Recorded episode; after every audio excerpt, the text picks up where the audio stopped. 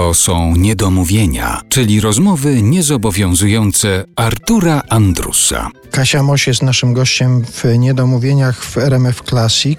Ja chciałbym, żebyśmy jeszcze wrócili na chwilę do tego Las Vegas, bo ono nam tak przeszło bokiem. Być może, że pani już nie, niechętnie o tym opowiada, bo to wiele razy się pojawiało w, w różnych rozmowach. No ale tak, żebyśmy tylko skonkretyzowali to. To nie było tak, Dobrze. że Kasia Moś na przykład pojechała z pieśniami Moniuszki do Las Vegas. Nie, aczkolwiek niewykluczone, że pojedziemy. Może. Proszę bardzo, Może- trzeba im no coś takiego właśnie, trzeba promować polską kulturę. Tam to się zaczęło od po prostu występu karaoke, Karaoke. prawda? Tak, to było w zasadzie tak. Ten Wojtek, który przyniósł tą płytę Leroya do nas do domu. Ten Wojtek pojechał do Stanów dawno, dawno temu i studiował na Uniwersytecie UCLA. I jego siostra pojechała za nim, Beata, moja przyjaciółka najlepsza, i, i parę lat tam była w tych Stanach i po prostu zaprosiła mnie ze swoją mamą. Poleciałyśmy do niej do Los Angeles i spędziłam tam trzy tygodnie. Oczywiście też Beata chciała pokazać nam miasto, które nigdy nie śpi, miasto, które jest bardzo kolorowe całą dobę, czyli Las Vegas. I rzeczywiście pojechałyśmy na trzy dni i szłyśmy główną ulicą tegoż miasta. Ja usłyszałam, że ktoś fantastycznie śpiewa utwór Johna Legenda. I ja mówię do Beaty, to chodźcie, chodźcie, wej- wejdziemy, posłuchamy, kto to jest. No i weszliśmy rzeczywiście, było tam, odbywało się karaoke. Ja nie chciałam, bo ja się strasznie krępowałam, zresztą do dzisiejszego dnia mam problem z takim śpiewaniem, jak ktoś powie, Kasia, a- weź coś zaśpiewaj, to zawsze jakoś tak od razu się spinam i po prostu nie, strasznie tego nie lubię.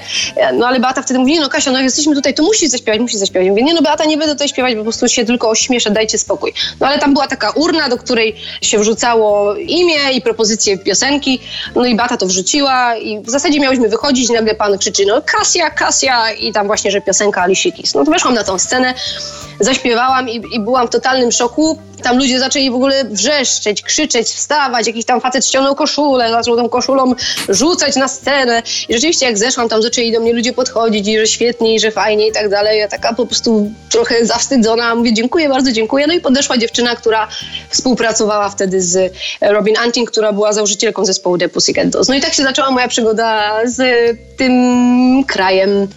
Ale czytając gdzieś jakieś pani wypowiedzi na temat tego amerykańskiego snu, amerykańskiej przygody, ja zauważyłem, że tam nie ma, ale to chyba w większości nawet wypowiedzi pani na różne tematy takie zawodowe. Jest coś takiego, że nie ma aż takiego jakiegoś totalnego zachwytu, nie wiem, tą Ameryką, tym zdarzeniem. Nie ma też e, jakiegoś poczucia, że no tak, pojechałam, ale potem wróciłam jednak, czyli nie zostałam tam. Pani to raczej wszystko traktuje, ja to tak odbieram, jako jakąś kolejną lekcję w swoim życiu, że trzeba taki etap uznać za coś miłego, co się zdarzyło w życiu, ale to już jest zamknięte, z tego się tego i tego nauczyłam. Nie ma czegoś takiego, na przykład, że ta Ameryka jest najważniejsza na świecie i że nic poza Ameryką się nie może wydarzyć. Nie, bo jestem też nauczona, wydaje się, doświadczeniem, że chyba niedobrze jest aż tak bardzo się ekscytować i cieszyć z czegoś, bo potem, kiedy coś tam nam nie wyjdzie, coś się nie uda, to bardziej boli. Raczej trzeba do tego podchodzić na chłodno i rzeczywiście jestem nauczona, ponieważ jakby moje życie nie wygląda tak, że to jest pasmo nieustających sukcesów i że każdy krok, który wykonuję, to po prostu jest y, wielki, wspaniały, cudowny i to jakoś się wiąże z jakimiś ogromnymi e, sukcesami, tylko raczej jestem nauczona tego, że, że takie jest moje życie, że ja stawiam dwa kroczki, ale potem o jeden kroczek do tyłu i po prostu przyjmuję życie z ogromną pokorą. Jeżeli coś nam jest pisane, to to się wydarzy. Czasem życie po prostu ma e, wobec nas zupełnie inny plan.